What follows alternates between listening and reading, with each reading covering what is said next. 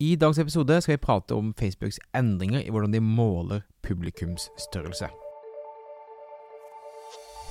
Stadig flere små bedrifter i Norge oppdager at med riktig markedsføring kan man utfordre de store, tradisjonelle bedriftene.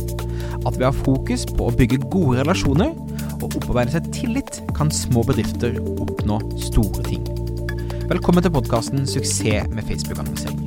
Mitt navn er Thomas Moen fra Moen Co. Vi er et mediebyrå som hjelper små nettbutikker å vokse.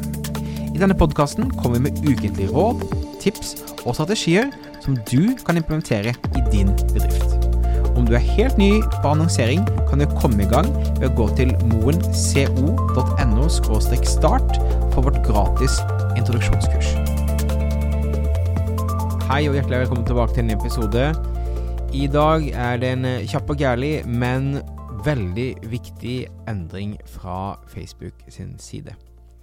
Facebook endret den 5. oktober eh, måten i annonseadministrasjonen de estimerer og måler eh, publikumsstørrelse.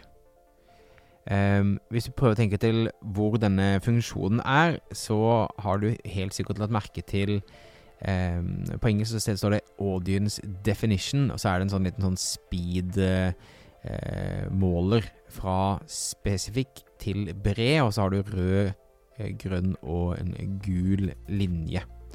Og så har det stått 'potential reach' og hvor mange mennesker man kan nå.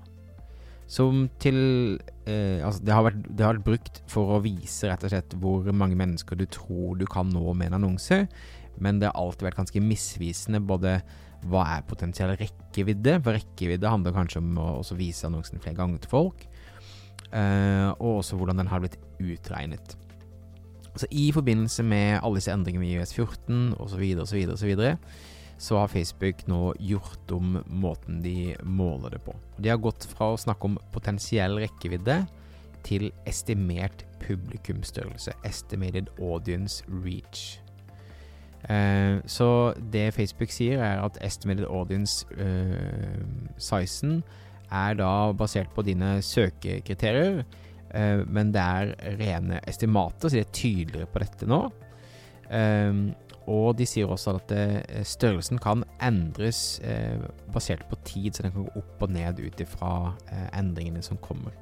Så de har tatt bort denne speedometergrafikken og byttet ut egentlig bare med om det er en rød, grønn eller gul eh, målgruppestørrelse.